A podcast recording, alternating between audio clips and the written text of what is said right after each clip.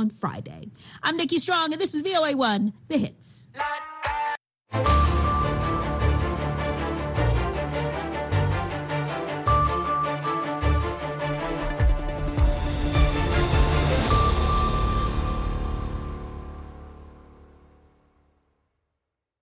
Halkani waa washington laanta afka soomaaliga ee v o a oo aad ka dhagaysataan mawjadaha gaagaaban efmiyada geeska afrika iyo caalamkao dhan oo aad nagala socotaan v o a somaly com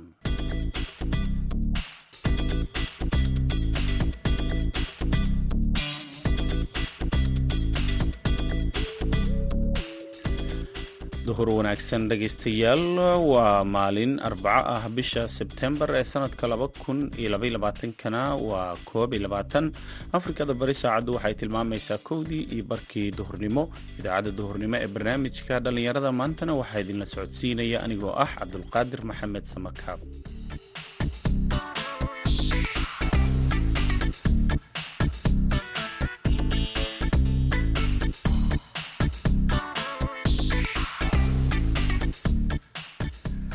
qodobada aad ku dhagaysan doontaan. Idaacaddeenna duhurnimo waxaa ka mid a aqoon-yahano ka digaya macluusha iyo caafimaad darrada ka dhalan karaysa abaaraha laga saadaalinayo inay ku dhuftaan geeska afrika. Xaaladda degdegee sababtaa nafaqadarrada maanta jirta waa laba qodob. Labada qodob ee sabab waxa weyaan in wax la cuno la waayo caafimaad darro sidaa daraaddeed waxyaabaha maanta sababay innaga ugu weyn waxa weeyaan abaaro soo noqnoqday iyo isbeddelka cimilada waxaa kaloo dhegaysan doontaan ciyaartooyda magaalada laascaanood oo bulshada ka wacyigelinaya dhibaatada uu leeyahay tahriibka. Kaalmihii heesaha iyo ciyaarihii ayaad sidoo kale ku dhagaysan doontaan idaacaddeenna duhurnimo balse intaasoo dhan waxaa ka horreeya warkii dunida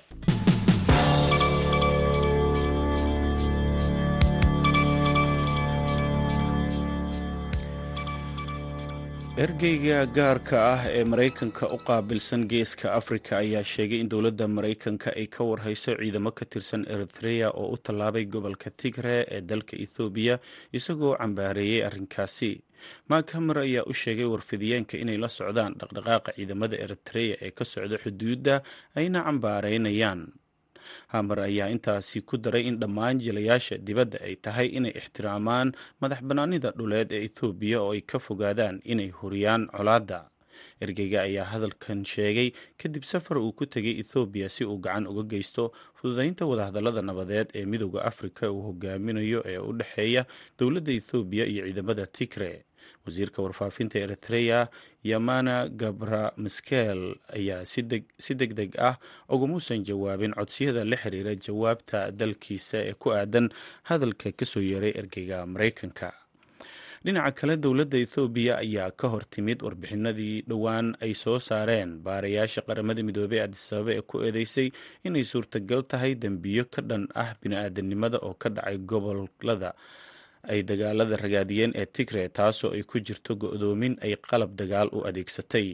Guddiga xuquuqda aadanaha ethoobiya ayaa sheegay inay heleen caddeymo muujinaya xadgudubyo ay geysteen dhammaan dhinacyada tan iyo markii dagaalka uu bilowday ama uu ka bilowday gobolka tigre muddo hadda laga joogo ku dhowaad laba sano. Waxaa jira warbixinta in dowladda ra'iisul wasaare abiy axmed iyo xulafadeeda ay si olokaca u geysteen dhibaato weyn iyagoo ka hor istaagay gargaarka bini-aadanimo ee gobolka ay ku nool yihiin lix milyan oo ruux ayay ku tiriyay qaramada midoobey warbixinta. Wakiilka joogtada etoobiya u fadhiya xarunta qaramada midoobey ee geneva zenebe kabele ayaa sheegay in guddiga uu ahaa mid siyaasadaysan warbixintoodana aysan ku salaysnayn xaqiiqda islamarkaana ay tahay mid eex ka tarjumaysa wakaaladda wararka a p ayuu u sheegay inaysan jirin wax caddayn ah oo muujinaya in dowladda ethoobiya ay gargaarka bini-aadanimo u adeegsatay qalab dagaal warbixintana ay tahay been abuur iyo macno darro. Sidaa daraaddeedna aysan waddo kale oo aan ahayn inay diidaan warbixinta aysan u bannaanayn. Kabede ayaa dhinaca kale sheegay in baarayaasha ay iska indhatireen tacdiyada ay geysteen jabhadda t p l f sida uu hadalka u dhigay ee tobannaankii sano ama muddo tobannaan sana xukumayay ethoobiya ka hor inta abiy axmed uusan xafiiska tegin sannadkii laba kun sideed iyo tobankii taasoo adis ababa ay koox argagixiso u aqoonsan tahay. Dhegeystayaal warkeennii dunidana waa nageynta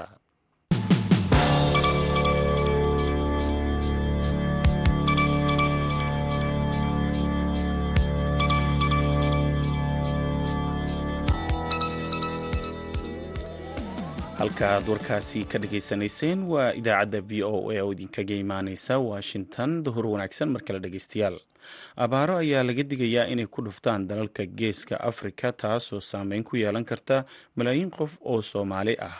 Wariyaha v o eda ee boorama haashim sheekh cumar good ayaa arrimahaasi ayaa ka wareystay saameynta nafqadarrada ay arrimahani ku yeelan karto dadyooga soomaaliyeed maxamed faarax kibaar oo ah macalin ka dhiga kuliyadda cuntada iyo nafaqada ee jaamacadda hoon ee magaalada boorame nafaqadarrada soo waajahday ama ka jirta guud ahaan geeska africa hay'adaha welibana hay'adda fow w h o hay'adda la balan international safety children bishii sideedaad akhirkeygii ama bisha sagaalaad awalkeygii waxay ku daabaceen jiriidad caamo dalka ingiriis ka soo baxda gaar ahaan geeska africa inay amount of ama tirada xadiga korobiska ee soo guyi jiray inay sanadkan hoos u dhaceen.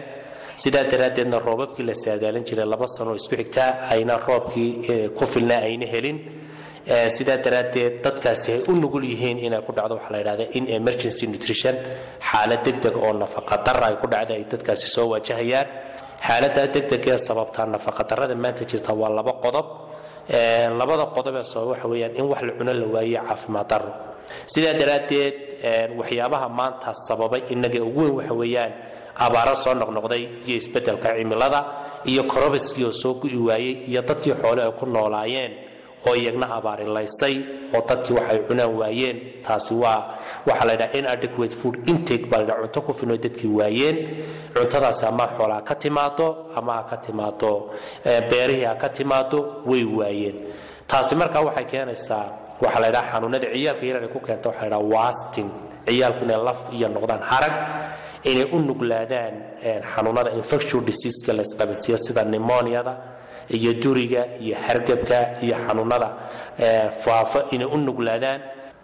Biyola-aan iyo cuntola-aan markay iskugu biirto dadka xaaladda nafaqadarradu ilaa heerkay gaadhaysa marka dadkeenna maanta nafaqadarrada soo waajahday waa tii sifiir baa la ydhahdaa weliba sifiirkaa u si kala baxaa mid la ydhahdo coronic iyo acute. Sifiirku waa mid coronic waa mid muddo sii jiraya midna waa muddo aan sii jirinoo degdega. Ka maanta inagu dhaca waa mid acute oo degdega.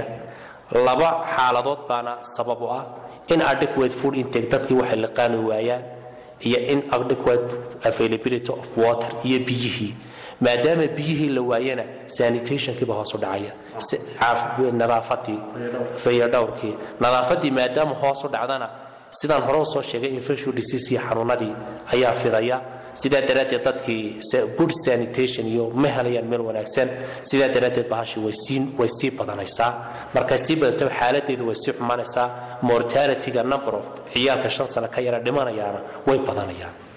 Waxaynu ka warqabnaa deegaano ay abaaruhu aad uga jiraan in ay colaadana ka jiraan. Marka iyadoo cuntola-aan iyo biyola-aan ay dadka u dhimanayaan markay colaadina ugu biirto maxaa ka dhalan kara halkaasi waxaa ka dhalan kara si beri dhoweyd sanadkan horaantiisii si ay soo saartay wadanka barwaaqa sooranka gaar ahaan dowladda ingiriiska qayb ka mid waaxdeeda arrimaha dibadda ay soo saartay. Gobolada soomaaliya waxaa la saaray waxa la yidhaha danger zone xaalad cagaaran baa la saaro casaana waa humanitarian aid kuma gaari karaan weeyaan. Waxaa laga soo reebay gobolka awdal iyo gobolka murudijeex iyo gobolka saaxil wax alla wixii kale dhinaca ka xiga gobolka somalilan haddaan soo koobo gobolka togdheer sanaag iyo gobolka sool waxaasoo dhanba waa xaalatu daarica baa la ydhaha xaalad adag baa ka jirto oo humanitarianku iskuma hadlayn karaan bay yidhahdeen innaga taasi waa taayoo ishyugeenu marka laga reebo xaaladda guud marka laga somalilan iyo puntland oo humanitarianku si unbay access ugu helaan. Laakiin koonfurta soomaaliya waxaa jirta dhul ayna humanitarianku ayna gaadhinba sidaa daraaddeed xaaladaasi way sii darnaanaysaa wayna ka darnaan doontaa. Xaaladana waxaa la ydhaha shok baa la ydhaha xaalad ugu daran bay gaari doonaan maadaama dadkii oo abaarahay sidan u saameeyeen iyo biyola-aan hay saameeyeen. Marka hay qaxaan ama colaad iyo hay soo waajahaanna xaaladaas way ka sii darnaanaysaa sidee wax looga qaban karaa markay dadka abaarta colaadda iyo barakacaasi uu ku yimaado? Xaaladda bulshada gaar ahaan dadka nugul ee carruurta iyo dadka waaweynna ay soo fuud saarto xaalad nafaqa darro. See wax looga qaban karaa? Xaaladda nafaqadarra markay meel soo waajahdo marka ugu horreeya waxaa la sameeyaa waxa la idhaahdo qiimayn. Qiimayntaasi waxay noqonaysaa root of cows. Waxaa sababtiisu halkuu ka yimiday ma biyo la'aanba ma roob la'aanba ma korobiskiiba soo bixi ma colaadba. Horta what cows maxaa sababay problemkani? Nafaqadarrada maxaa keena xaaladda maanta la tagan waa in emergency waa xaalad degdega nafaqadarre degdega weeyaan. Nafaqarrada degdega haddii ay sababtay colaadi hadday sababtay sida gobollada koonfurta soomaaliya oo kale waxaa la isku dayaya in la sameeyo. Waxaa la samaynayaa hadday tahay governmentalka dowladda iyo n g o-yada iyo humanitarian aidka. Waxaa la ydhaha marka hore xaalad hore dejin baa la rehabilitation center baa la ydhaha meelo dadka waxaa loo sameynaya dadkii xaaladan la dejiyo waxay cunaan la siiyo. Maxamed faarax kibaar oo wax ka dhiga kuliyadda cuntada iyo nafaqada ee jaamacadda hon international ee magaalada boorama waxaan ka waraysanaynay xaaladda nafaqadarrada ee ay sababaan colaadaha iyo abaaraha. Haashim sheekh cumar good v o a boorama. Markana dhegaystayaal waxaad ku soo dhowaataan kaalmihii heesaha.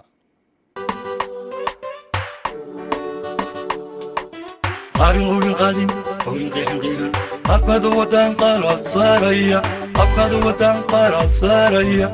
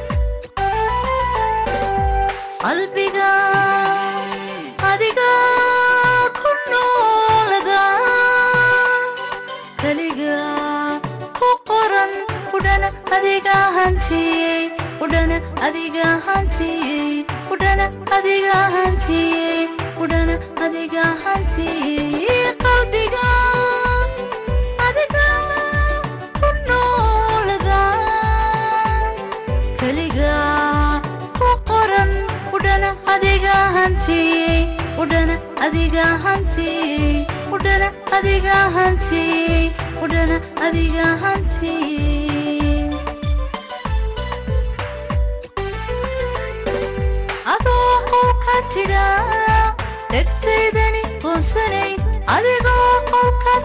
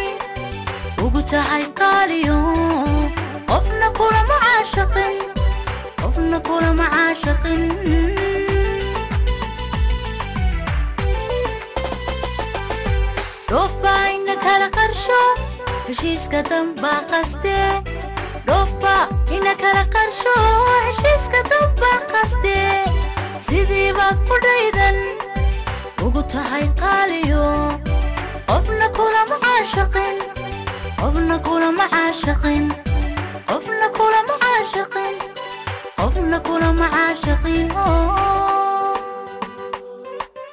maqaarin maquubin mana qaadin jacayl maqorin maqixin maqiira heesine maqaarin maquubin mana qaadin jacayl. Maqorin maqixin maqiira heesin abkadu wadan qala saaraya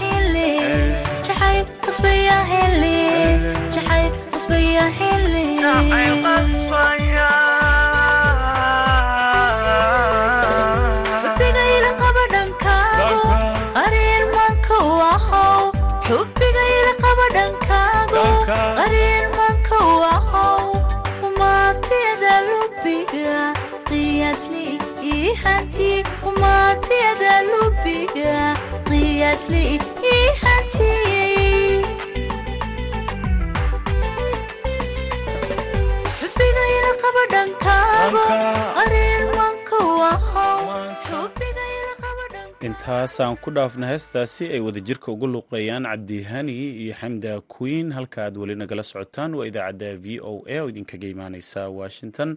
Markana laascanood muddooyinkan dambe waxaa safaro halis ah dalka uga baxayay dhalinyaro badan oo doonaya inay nolol wanaagsan ka helaan dibadaha dadka tahriibaya oo qeybaha kala duwan ee bulshada isugu jiray ayaa waxaa dhowaanahan baraha bulshada lagu arkay dhalinyaro ka tirsanayd kooxda kubadda cagta gobolka sool oo inta ay tahriibeen ay dhibaato dhexda ku sii qabsatay kuwaasoo dalbaday in gurmad lala gaaro. Cabdikariin olol oo ah wariyaha v o eda ee magaalada laascaanood ayaa la kulmay qaar ka mid a ciyaartooyda laascaanood oo muujiyey sida ay arrinkaasi uga xun yihiin. Ciyaaryahanada magaalada laascaanood ayaa ka hadlay qaar ka mid a ciyaartooyga gobolka sool oo dhowaantani tahriibay kuwaasoo lagu arkay baraha bulshada sawirra ay leeyihiin. Ciyaaradan oo la hadlay barnaamijka v o a ayaa sheegay inay si weyn uga xun yihiin in saaxiibadooda qaarkood ay ka tageen magaalada laascaanood waxayna sheegeen inay si weyn uga digayaan dhalinyarada kale ee magaalada laascaanood inay arrimaha tahriibta ay ka baaqsadaan bismillaahi raxmaan raxiim magacayga waa yuusuf cabdi cabdilaahi ka tirsan dhalinyarada kubadda cagta magaalada ascaan ku ciyaarta cabdikariino wallaahi arrintan tahriibtu horta saaxiib aad bay u xun tahay. Waxaan ognahay sidaad ogtahayba in kumanaan kun oo dollar dee lagaga qaado dhalinyarada tahriibaysa waalidkood. Deetana weliba qofkaasi uu gelayo nolol fifty fifty. Ah laakiin waxyaaba badan oo dhalinyarada dabada ka riixaysa oo magaalada ka midana way jiraan oo camal la'aanta u kow tahay sportskii oo aan horumarsanayn oo sida ay magaalada magaalooyinka kaleba loo horumariyo aan laascaanood weliba uga horumarsanayn. Shaqaa yaraanaya ganacsatadu dhalinyarada badanka gobolka maba aaminsanaba hataa hadday mashruuc keenaan qof ay meel kale ka keeneen bay la keenaan mashruuci ay wadeen arrintaasina niyo arrin u baahan weeye in ay ganacsatadu ku noqoto. Cid kastoo hawshaa khuseysana in dhalinyarada shaqa abuur samaysa ayaa habboon. Sheekada dhalinyarada ciyaaryahanada murugada ku reebtay waa qaar ka mid a ciyaaryahanada gobolka sool oo baraha bulshada la soo dhigay iyagoo xaalad halisa oo tahriibay bal ka war wallaahi shoog bay horta nagu noqotay arrin mucjisaa bay nagu noqotay.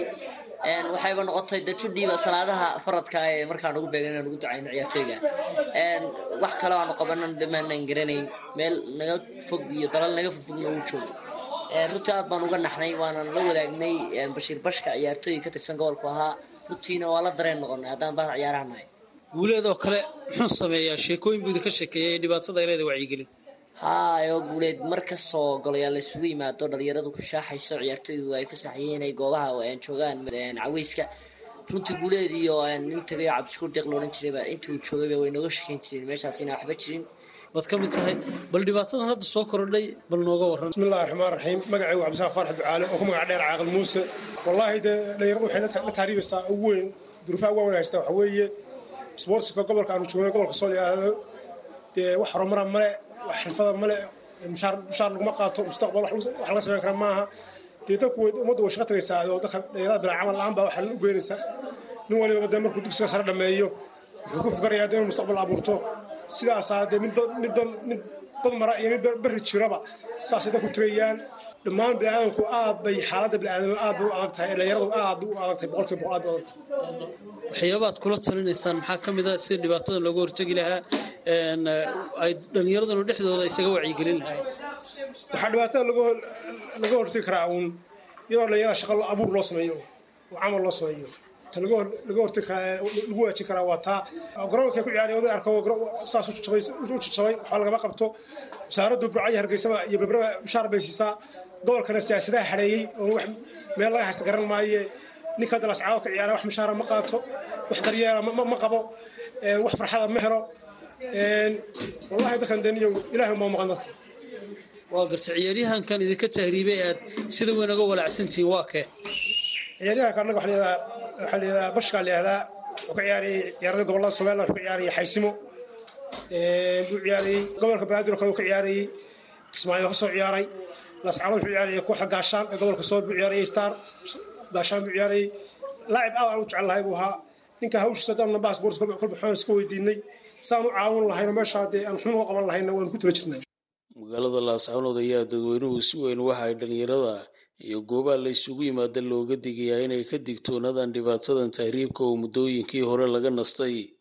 Haatanna saameyn fara badan ku yeelanaysa dhallinyarada qaybaheeda kala duwan waxayna waalidiintu ay wadnaha farta kaga hayaan kooxaha magafayaasha ee magaalada laascaanood ka kaxeeya dhallinyarada kuwaasoo waalidku ay la kulmaan dhibaato badan marka la geeyo waddanka liibiya qaarkoodna iyagoona qaarkood la waayo meelaha ay u taariibeen cabdikariin nolol.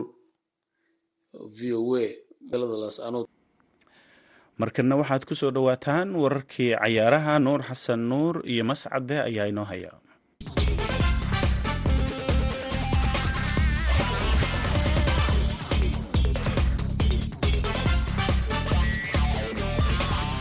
toddobaadkan iyo toddobaadka xiga waxaa laga nasan doonaa ciyaaraha kubadda cagta ee horyaalada qaaradda yurub. Hase yeeshee ciyaartooyda intooda badan ayaa waxay ku mashquuli doonaan ciyaaro saaxiibtinimo oo ay ku matali doonaan waddamada ay ka soo jeedaan.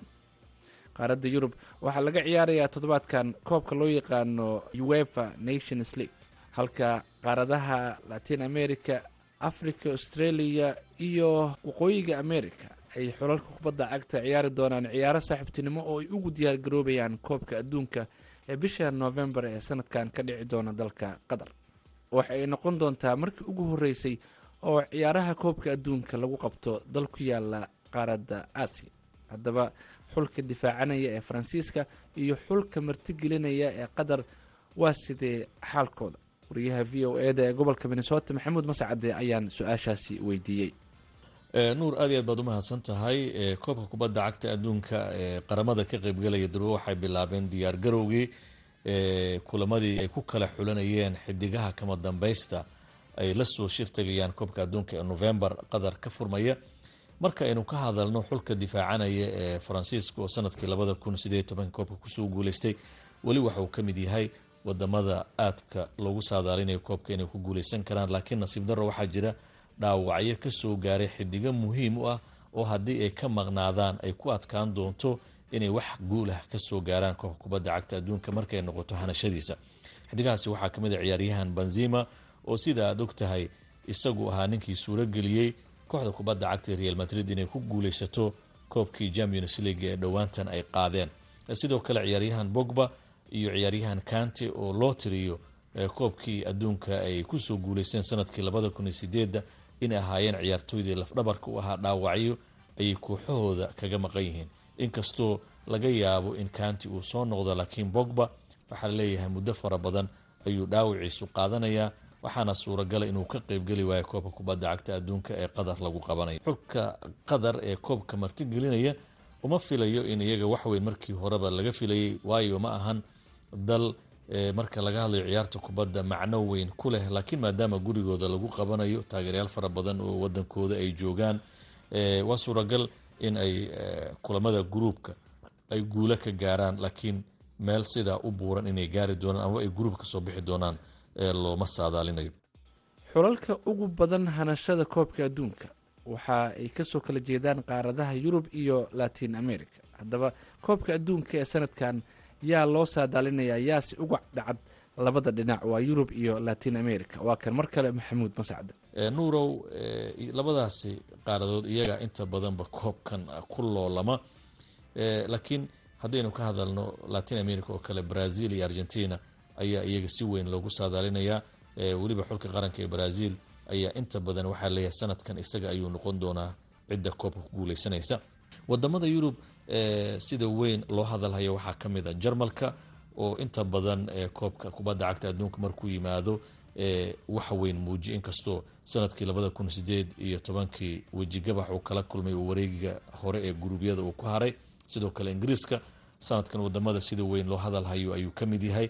Faransiiska dabcan laakiin xulka laga yaabo inuu la yaab ama wacdala dhigi doono waxaa ka mid a xulka qaranka sbain oo xidigo aada u da-yar ee ku hubaysan islamarkaana macalinkooda laylinaya louis enrique uu wax aada u fara badan ka bedelay qaabka ay qaranka sbain u ciyaarayeen.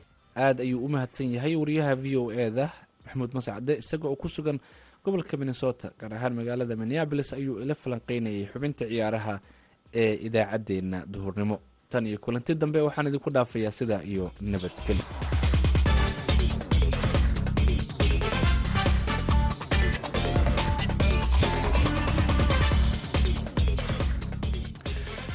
markana dhegaystayaal waxaad ku soo dhowaataan kaalmihii heesaha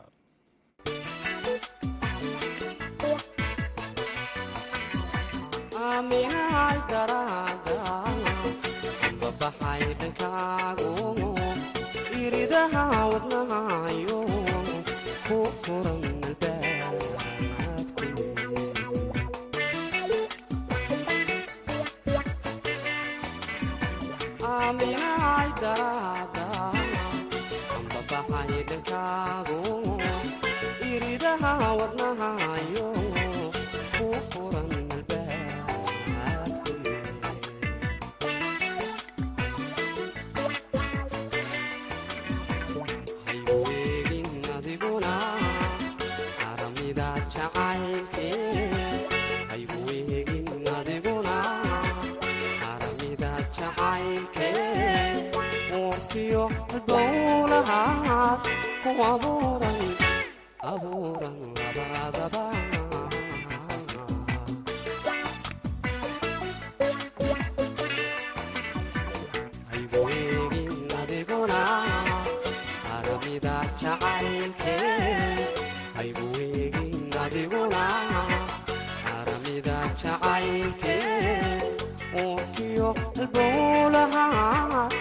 amor